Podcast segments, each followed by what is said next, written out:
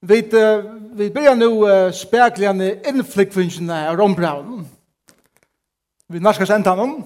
Vi hava, hava annan kapitel etter. Som vi sier senast, så enda i uh, sjålt argumentet av høvesbåskapen i rombraunen. Eh, tar vi tåsa om Ron rombraun senast. Og nu, nu uh, fra det av og lukka til endan, så, så fyrir Paulus mer gongt vi at, at tåsa om um, hvor han er, hva han gjør, og hvordan han kan glede seg å komme til Rom og omhøve bust. Og eisende så helser han sankumne. Alle 16. kapittel er full i nøvnen som Paulus kjenner og elskar, og så eh, ender han brev via en doxologi, eller en heiran av gode, eh, som han så leder brev atter i. Og derfor vil så at hitje etter nå kommande viken her om herren eh, løyver okken og bøyer vi er koma. Vi bør også en The Three Cries of Christs of Ypsilanti, altså tar trutcher Kristusan er fra Ypsilanti, lyser en psykologer som eitur Milton Roshek, et salalet firebrygde som av psykologen vil kalla for messias komplekset. Jeg kjenner ikke det komplekse sjølver, men jeg leser om det. Og det er at her vet jeg her at jeg er grandiøser. Jeg er noe helt størst. Jeg er uh, noe nekv nekk meir enn hele tiden er realistisk og i munnen egna liv. Det er til et her, til et komplekse at halda seg sjølv han være et supermenneske. Halda seg være frelsere heimsens. Halda seg vera god sjálvan som hever allan heimen og i syne hand. Jeg snir psykologeren visste ikke hvordan jeg ordentlig han skulle behandle seg her eh, pasientene til oss her, tog at lyga mykje hva det rønti å sier, altså, du er bare en vanlig person så fikk han ikke ta inn i tarra eh, sinne og inn i tarra gjørst. Så han også sier, kanskje vi kunne byrja arbeid i gruppen, og, og sette hese her eh, pasientene sammen, så leis at jeg kunne høre hver annan, og vågnende finne til hvordan lengt ut ut her her. Så, teir sida så en dag inn, og, og, og i så balka terapiene, og ta seg atter fram om eh, dette komplekse, messias er komplekse. Så kan jeg sier ein, og i samtalene, reiser seg opp og sier, Jeg er Messias.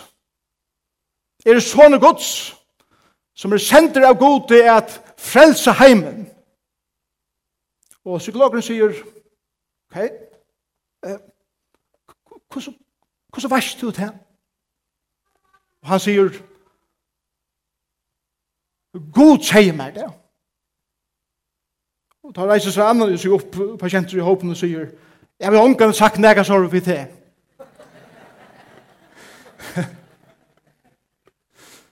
messias-komplekse. Vi kvarst, ångar du helt alvorligt, og kanskje ångar du for lunge, så har vi et messias-komplekse eisne. Særlig ofte tar man ned i balkon, og man, man strøyest vi at opphevje seg sjålvan fram om ånder, at seta sutt navn fremst fram om annars. Um, det er brent over. Lukas skriver i Lukas evangelion at kjæk tog seg opp med lærersvenner om hver tarra må være størstur og i rydje gods. Messias komplekse i med lærersvenner Jesus er eisende som vi heva meir la minne.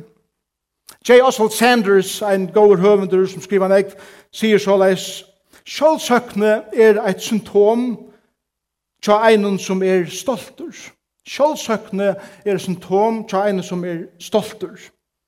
Til vennen er best at hugsa om og at hosa om seg sjálvan. Frestingen at opphevja seg sjálvan og at hosa om sinne evrik.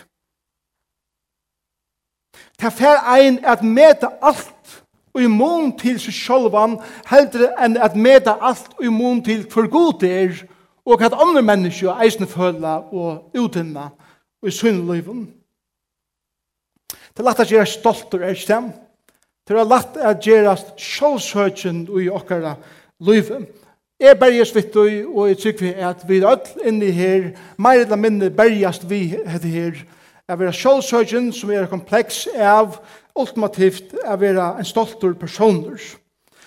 Vi, vi, vi, vi hugsa nekv om okkar avrik, vi hugsa nekv om okkar titlar, hva for titl skal standa framme for navn, eller hva det er vi oppebåre, hva det er vi rattet det til her og i løyvene som er, og det skal prysast og opphevjast fire. Og derfor er det lærer helt noe annet. Og til det her Paulus sier, Sjalt om jeg har utdint nekv. Og sjalt om jeg ber flere titlar framfor mitt navn. Og sjalt om jeg har gynge langer enn nekv nekv ånder i tjenesten for herren, så er det ikke det som det snur seg om.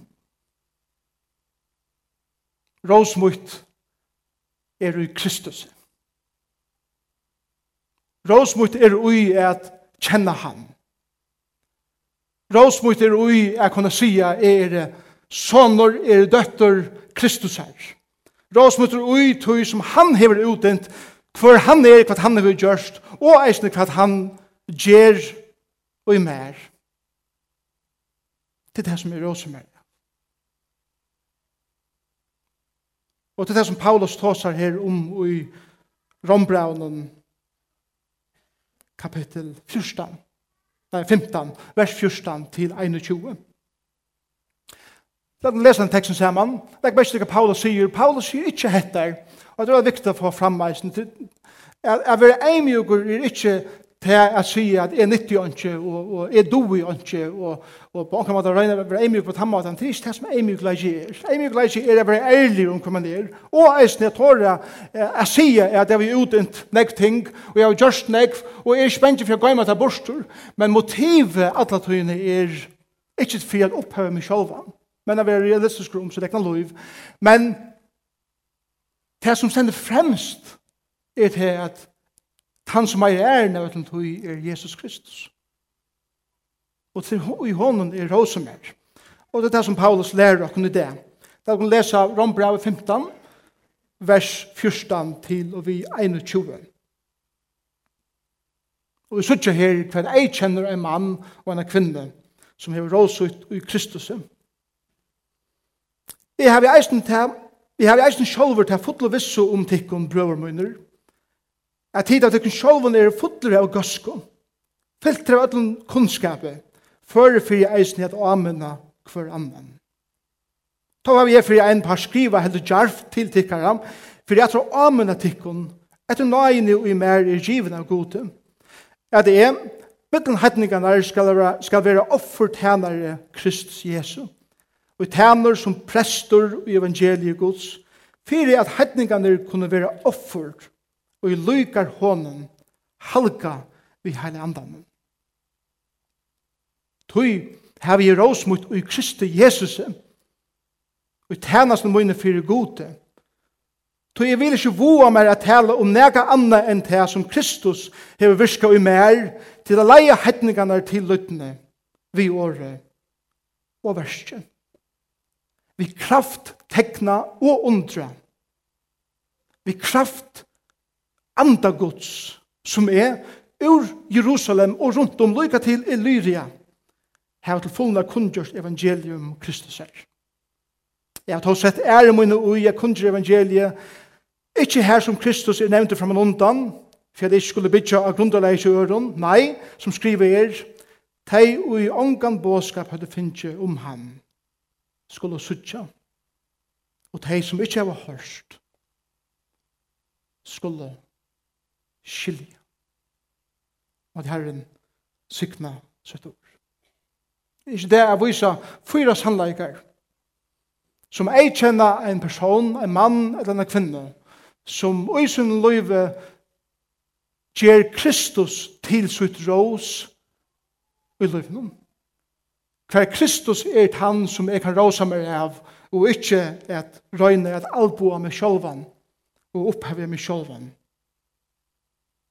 Det første jeg kjenner som vi lærer om Paulus, som en mann som heier råsa i Kristus sier etter, til med vår, til en kona, som alltid huksar om velferdene tja øren fram om seg sjolvan. Det er det som Paulus sier lyser i som versen 4 okken, vers 14, la dem lese det sammen.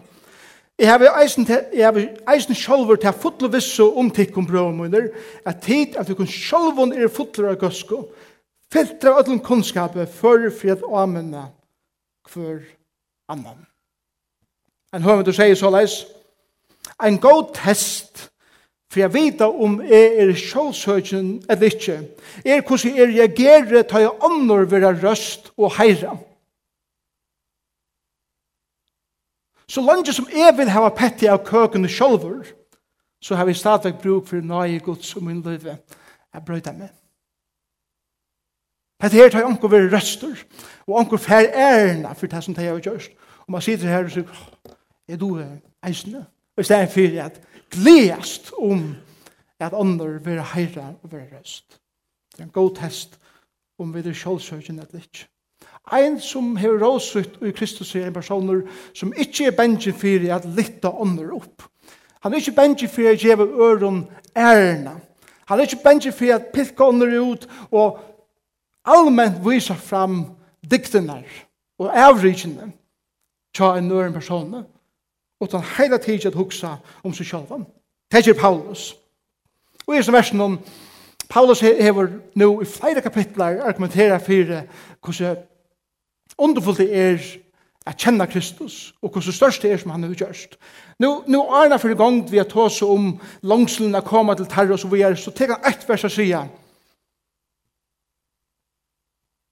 Tid heva nega som bæra er givet tikkum er goden Og legg meg ikke til, han nevner tre ting her på en. Til det fodre av gøsko, til er det filter av kunnskapet, og til det førfyrer at amenna kvann annan. Tre ting som Paulus viser av her på. Først sier han viktig at han oppmuntrer deg, og han edger deg, og sier, tid er å fodler av gøsko. Ordet fotler er, er et ord som vi brukt om at renna iver, det flyter ut av bikeren så at ikke av hessen eilegene som heter Gaska. Gaska er, det kan defineras på flere måter, Gaska kan defineras at det er personer som søker etiskan og moralskan reinleika. Og han seter eh, løvsut ui hettar at det skal være en personer som lever rett etist og moralst. Men det er eisne en personer som ikke bare hukser seg selv om at han måtte han, men eisne vil oppmuntra ånder og edja ånder av livet av samme hatt omfevnande personer. Og det som Paulus sier og sankumne her om er til at jeg priser gode fyrir at tid er omfevnande og tikkara eh, sankum og løyve og løyve hele tiden. Så sier han, vi er tider fyllt i at en kunnskap. Det betyr jo ikke til at, at tid er en sankuma som hever alt på plås. Til en vel lærd sjankoma og til vita enn rikve. Det er ikke gale i tog, men det er ikke det som han sier her. Bænt. Han sier at det som de vita brukar dit. Det som de vita brukar dit til samtøy. Til kjenna tøyene og tøya rage som du der og og de vet hvordan du skal bruke tikkere vitan, og en vysan hatt ut heimen omstøvende som tiden jo enn affær beveget ekken. Det er store måneder av snær. Jeg vet at jeg vil ikke gjøre, og jeg vet at jeg vil bruke det for Herren. Det er det som Paulus sier om sankommene her. Og det er en vidkommende til som gjør det. Ikke bare det er at det er en omfevnende samkommene, det er en vidkommende samkommene som tår at sakke inn i sånne samtøy. Og så sier jeg for det tredje, før for å anmenne kvann annan. Hatt året før fire til året som vi ofta brukar av griskum, dynamis. Dynamit kommer herfra. Vi ofta tar, eisen er ofta omsett som kraft. Men her brukar han så året føre fire som er god vending. Tid, tid hevet her utikon, at tid var energi til at ikke bare hukse om dikken sjolv, men eisne om det rundt om dikken vi her, at tid aminna kvann annan. At det året at aminna, det betyr at du er at ledja og i minne tjak for nøyren at minna kvann annan og hver vi er i Kristus, at minna kvann annan og hvordan vi eier liva som folk som fylltjast vi Kristus, at minna kvann annan og gøskene at liva moralst og etisk rett, at minna kvann annan og at være omfevnande, at minna kvann annan og at bruka ta vitanene og kunnskapen som vi heva og en vikommande hatt eller relevantan hatt her som vi ferest. Hjelp på hvernig ørene bonast. Hjelp på hvernig ørene utbyggvast som folk. Begge intellektuelt, kjenslige, og hever eisen vi viljan å gjøre hjelp på hvernig ørene tega rattar avgjør. Er ikke fantastisk sankoma? Er ikke fantastisk at Paulus, som omgang her ved i rommen, men han kjenner folk så mye vel. Og han er så mye åho av roi hvordan folk er og hvordan de hever det. At han sier, jeg tar ikke herren og fyre, at jeg kan skrive til brev til tikkara over av viser ui at hit er en sankoma som er omfevnande til det vikommande og tid er en byggven sankoma Kristus sier hatt om luften eisne Ofta det første som kjør på tankene er Ta jeg vil lese nekka sår til er, å oh, ja, det, men vi klarer ikke det. Kristus vil si av jokken i det. Vi er en omfevnande samkomne. Vi er en vikommande samkomne. Vi er en samkomne som er i menning. Og tann edjanen som Kristus gjør okken her, skal, og i stedet for jeg kunne fære en liv i høtten, få kunne litt høyt, akkurat høyt, og sier, hatt det som vi dinskjent hatt det som vi vilja, som sankomma. Paulus edger okkur til det. En personer som hever råse til Kristus er en personer som ångar i bensjen fyrir at framhevja og oppmuntra ånder. Nummer 2. En personer som hever sitt rås og i Kristus er en personer som ser fram i ikke ratten og i et Kristus. Det er fram og kjør atter. mer, her og slipper tjene Kristus. Legg meg ikke til vers 15. Eller vers 15 er nok så stuttlet vers. På har vi er for ein parst skriva heldur jarf til tikkara fyrir at det amena tikkun at nøyen er mer i given. Han, han sier, ok, nå har tid finnes jeg brev fra mer som eitur rombrevet. Han börjar om bra vi at ta sig om hur jeg lunches efter daimon, och han gleder seg å till til terra, og så får han en gång vi hese her som, som han har brukt alla disse kapitlerna. om. Nekve av tog som Paulus har sagt har vært fantastisk oppmuntrande og etkjande. Men eisne nekve av tog som Paulus har sagt har vært utrolig beinrætje og har å skåre helt innan merk. Og det som Paulus, er å prøve at uh, Gjørsson en liten parafrase om det som Paulus sier. Noen lunda så jeg sier, har vi hukset mer at Paulus har sagt ved sankommene? Jeg, har kanskje sagt noen ting som er hør for til kunne svølge. Jeg minns til at jeg har angan hatt røyne at nye gjør at tikkene, eller nye bråd at tikkene. Men her er det måte er bytja tikkene opp og hjelpa tikkene at bonast mottet ikke bare det positiva, men eisne hit som kan skjera nok snegv. Det er, det er jo en pastor av å predika alt nøye og gods.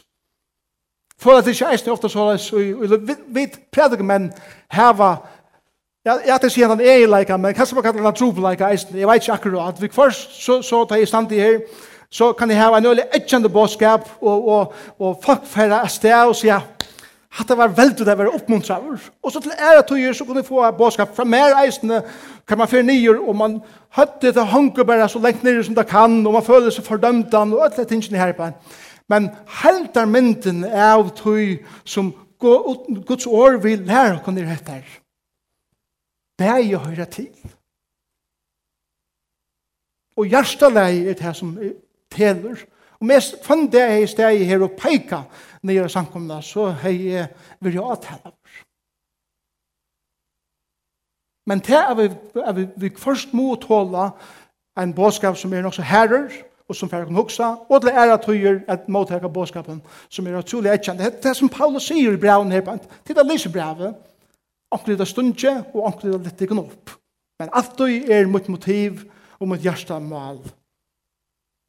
Andelig boning. Da kan man kjenne Kristus bedre. Det er ikke sånn mest hva Paulus kallar seg selv han. I vers 15, eller vers 16. At, at jeg, mittlen hedningene skal være offer tænare Kristus Jesu. Jeg elsker det ord.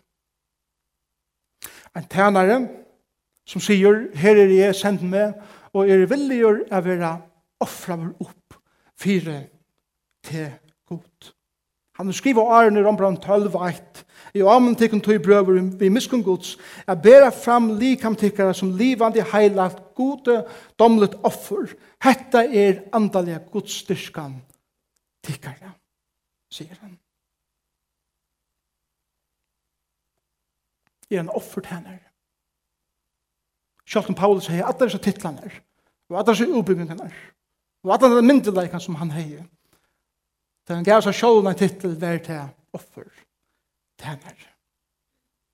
Ikke en maver som krever respekt, men vinner respekt. Ikke en maver som krever sin rattende, men leder øren fremhet. Ikke en maver som hikker nyra ånder, men litter ånder opp. Ikke en maver som vil tege æren av fyrt her som han har gjørst, Men sær er no ui at gjeva Kristus sunne er. Han rosa seg av av å sloppen eller å sleppa av å kalla av tænare Kristus er. Rosa seg av å sutja Kristus er han som hever myndelagan og rattande og pontus. En maver som rosa seg av å sleppa sutja upp til Kristus. Hva han er gjørst er en offer tæner. Det er utrolig vøker mynd, men det kan skiljas opp på, på tvær måter. Ein, ein mynd er hendan at det som er gjør, det som jeg gjør bare nå, er, er suttest enn at hui og i luftene vi heter. Jeg kom opp her og tala, gav alt som i heien. Og så hukte jeg etter hver man nu responsen fra samkommende for å være. Og ta responsen ikke vært han som jeg vanta at han for å være at jeg jo hei tala så fantastisk. Så var jeg det skuffar. og jeg kom kjort her til der jeg huksa jeg, kan det være at mun tøy og løvdene kjøtt er i vestegjen? Man kan jo bare leie en samkomme til et avvist, og så er tøy et færre. Vi gjør når hun er heian, eller skreiv han hukkbor om hva det er som har ned lagt meg i hjertet. Inntil jeg kom her til, og som herren for at det leie meg til, da jeg atterfeller hit, er det at det som jeg gjør i morgen, det som jeg gjør i bak nå, er det at fra jeg snitt hele stedet, gonger han røyker opp til herren, Hva motivet ikke mer er herre, hette mitt offer til tøyen og det. Og hver responsen er fra samkommende er ikke det som fyrir at letja grunderleie fyrir hvordan min tænasta og lov som vi tær fyrir vera. Det er en måte jeg suttet på. En annen måte jeg suttet på er at ikke bare jeg taler sånn mot offer, men ui tøy som jeg gjør for herran, letja jeg meg sjølvan av offeret Og hver jeg blir alle som er i et offer for gode. Og det som er viktig vi tog, tog mynden er hettar, at til alle latja mer er at separere hattar fra hesen. Hva det gjør i her, og hva det annars gjør. Vi gjør når vi kan komme inn her, bare vi kan tale, og gods, vi kraft og i myndelaga, men heima som vi underbøtten, og er som vi er helt andre personer. Og det som Paulus sier er til at være en offertjener i en personer som teker öll omrøyen i løyven. Og legger til alt der og sier, God, alt mot løyv er et livande offer for det her. Og tider er offert henne reisen. Og måtte ha har hjulpet dere å være slik folk som ikke bare nægger noe anser av dere løyve for det God, men alt som vi er, vil offret til God. Det er det som Paulus sier i her, Hebrevet er offertænare Kristus Jesus. Jeg merker det andre titel som han hever versen om. Og tæner som, og så er det her året, prester. Og i evangeliet, man husker det sjøl ofte om Paulus som er prest. Man husker Maria som er apostelen. Men han har i titlen her, at er en prester for evangeliet gods, for at hetningene kunne være offer. Og gjøre halga av hele andanen. Mynden som Paulus over her på er til at en person som er kommet til trygg for Herre Jesus Kristus, og en hver her det som kjenner Herre Jesus Kristus som, som, som sin personlig frelsere, du er som prester. Du er som en person som omboar god fire mennesker til det som en prester gjør, men en prester gjør eisen hit er at han omboar mennesker fire gode.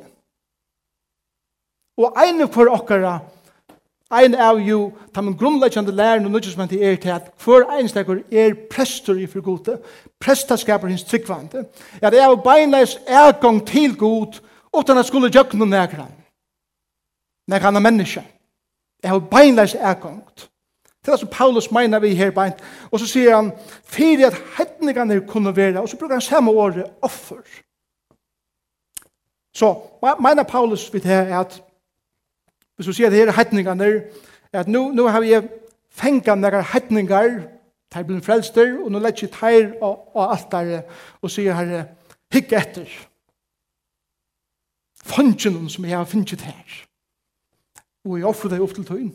Hatt en måte jeg sykket på, jeg hadde en bedre måte jeg sykket på, er at Paulus hjelper hese menneskene som er hetninger, som han brenner fyrir, som han elskar, som han har kattet til at noe, og sier, vi tar at teir kommer å kjenne Kristus som sin frelser.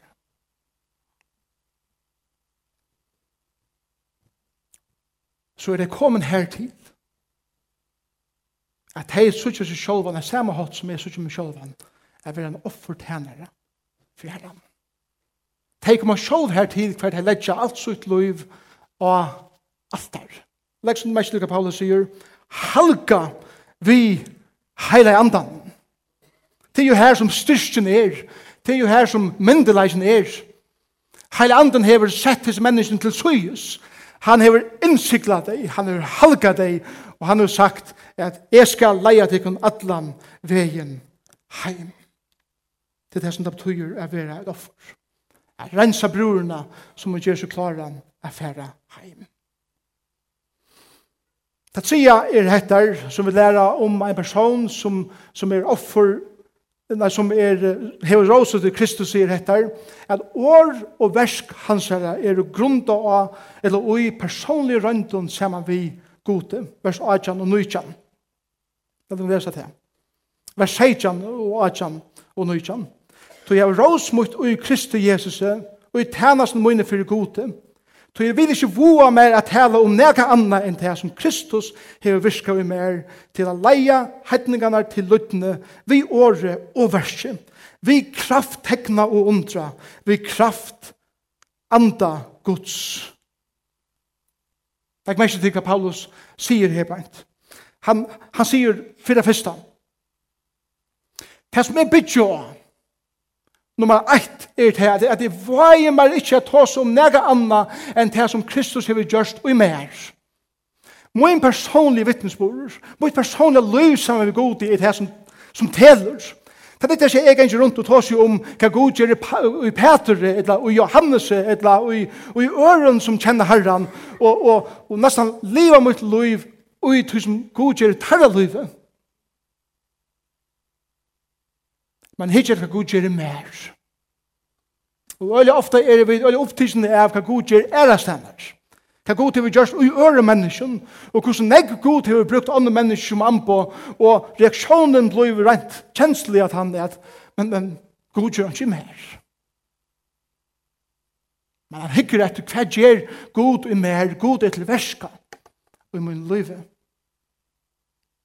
Og så sier han, fyrir nasta, Vi åre og vi verste. Vi gjør når år og løyv samsværa. Det som vi sier, vi er prekva i løyven, og det som er livet, det er grunnfest ut som vi sier. Og han heier sin båskap grunnfestan og til båskap som han finner fra Kristus. Jeg hadde det menneskelig, sier han. Min personlige vittnesborder og tess måte som er livet vårt liv og det som er sier, det er den personlige sier Men så kommer hin sujan inn, og det er den kodomlige sujan av en tjeneste. Og det som Paulus så sier her på en, er at det er vi teknon og undron, sier Paulus her på en. At tegjen er et, et under. Begge er synonym, sjokk om det er hver som tøtning. At tegjen er at man ser en manifestasjon av at god oppenberer en som bare kan skiljast om han oppenberer det. Et under er et brot av naturlovene. Jesus stilla i stormen. Jesus høtte vinden, og det var blikalapen. Han nevnte mennesker, og det var grøtt. Det henne dimensjonen av hva vi Sjål gjera som tænar gods og, og tænar honom, og så hint dimensjonen er god kjemur og gjer nega som er lengt, lengt utanfor det som vi på nega mata kunne klara. Vi gjør noen det som vi er gjørst i min løyve. Veit er at jeg ikke klarer sjølver utan det er god som fyrir ærena fyrir det. Tekin og under er nekka som gonger sama vi bådskapen om at Jesus Kristus døye og reis upp at og hever alla myndelaika at ombrøyta loiv og i det. Særlig her som evangeliet omgang hever prædik og avur er tekin og under skjønnleg. Og til det er sørste punktet som skal komme til, sista sundagsskolen, er liver, Så la meg enda, eisne, komme til det sista punktet. Er personer som hever råsutt i Kristus er ikke bare en person som vil etja og oppmuntra ånders. Det er ikke bare en person som ser fremmedgjeratten i at, at tjene Kristus. Det er ikke bare en person som hever sitt år og sitt vers grunn og i personlig liv sammen med Jesus. Men det er en person som er malrett av vår at utinna kall Kristus her i sin liv. La deg lese til versene som jeg endte, vers 9 til 21. Settene helt av vers 19. Så er ur Jerusalem og rundt om lykka til Illyria. Hava til fullnar kundgjørst evangelium Kristus er. Jeg har tatt sett ære mine ui er kundgjør evangeliet her som Ikke her som Kristus er nevnt fra London, for at jeg skulle bytja grunnvalget til øren. Nei, som skriver er, de i ångan båskap har finnet om han skulle sutja, og de som ikke hava hørst skulle skilja. Paulus sier, Mina, mina missionsferier har vært i Jerusalem, lykka til Illyrium. Illyrium er, er, utan, er i, i, her som Albania ligger det, av, av vestersøyene av, av Balkan, London. Og vi har, vi har adrianere, sjekvene eller bukna som kommer inn, og som, som separerer Italien, Estersøyene, og så Vestersøyene av, av Albanien og til London Norrøt. Her til Ferais Paulus. Settene kom han til Rom videre vidt. Så han sier, hette det området som er han ferast, men vi tog for eia, er færa til bøyer og til stø, for ønsken annan hever veri avur, han er malratt avur, han veit hva han skal færa. Og så siterer han Isaias 2, 15, herbeint, hva han tar seg om den Messias, som tåsar en bådskap om at de som ångan det å se av vår skulle nå få egen og fyri og suttja Kristus. De som ångan det å hørst bådskapet skulle for første fyr skilja bådskapen om Kristus. Og han får her som ångan annar hei vere av vår til han elskar i heitningarna. Så, som jente, Kristus hever fotla visso om løvdena. Kom det få at herren ordelig. Kristus hever fotla visso om tikkun og okkun som einstaklingar. Han sier til det fotla av gøsk. Det er fotla av kunnskapet og til det før for at amen er kon annan. Tætja det til, det er kon tætja det til okkon. Og søtja hetta er vera omfønant.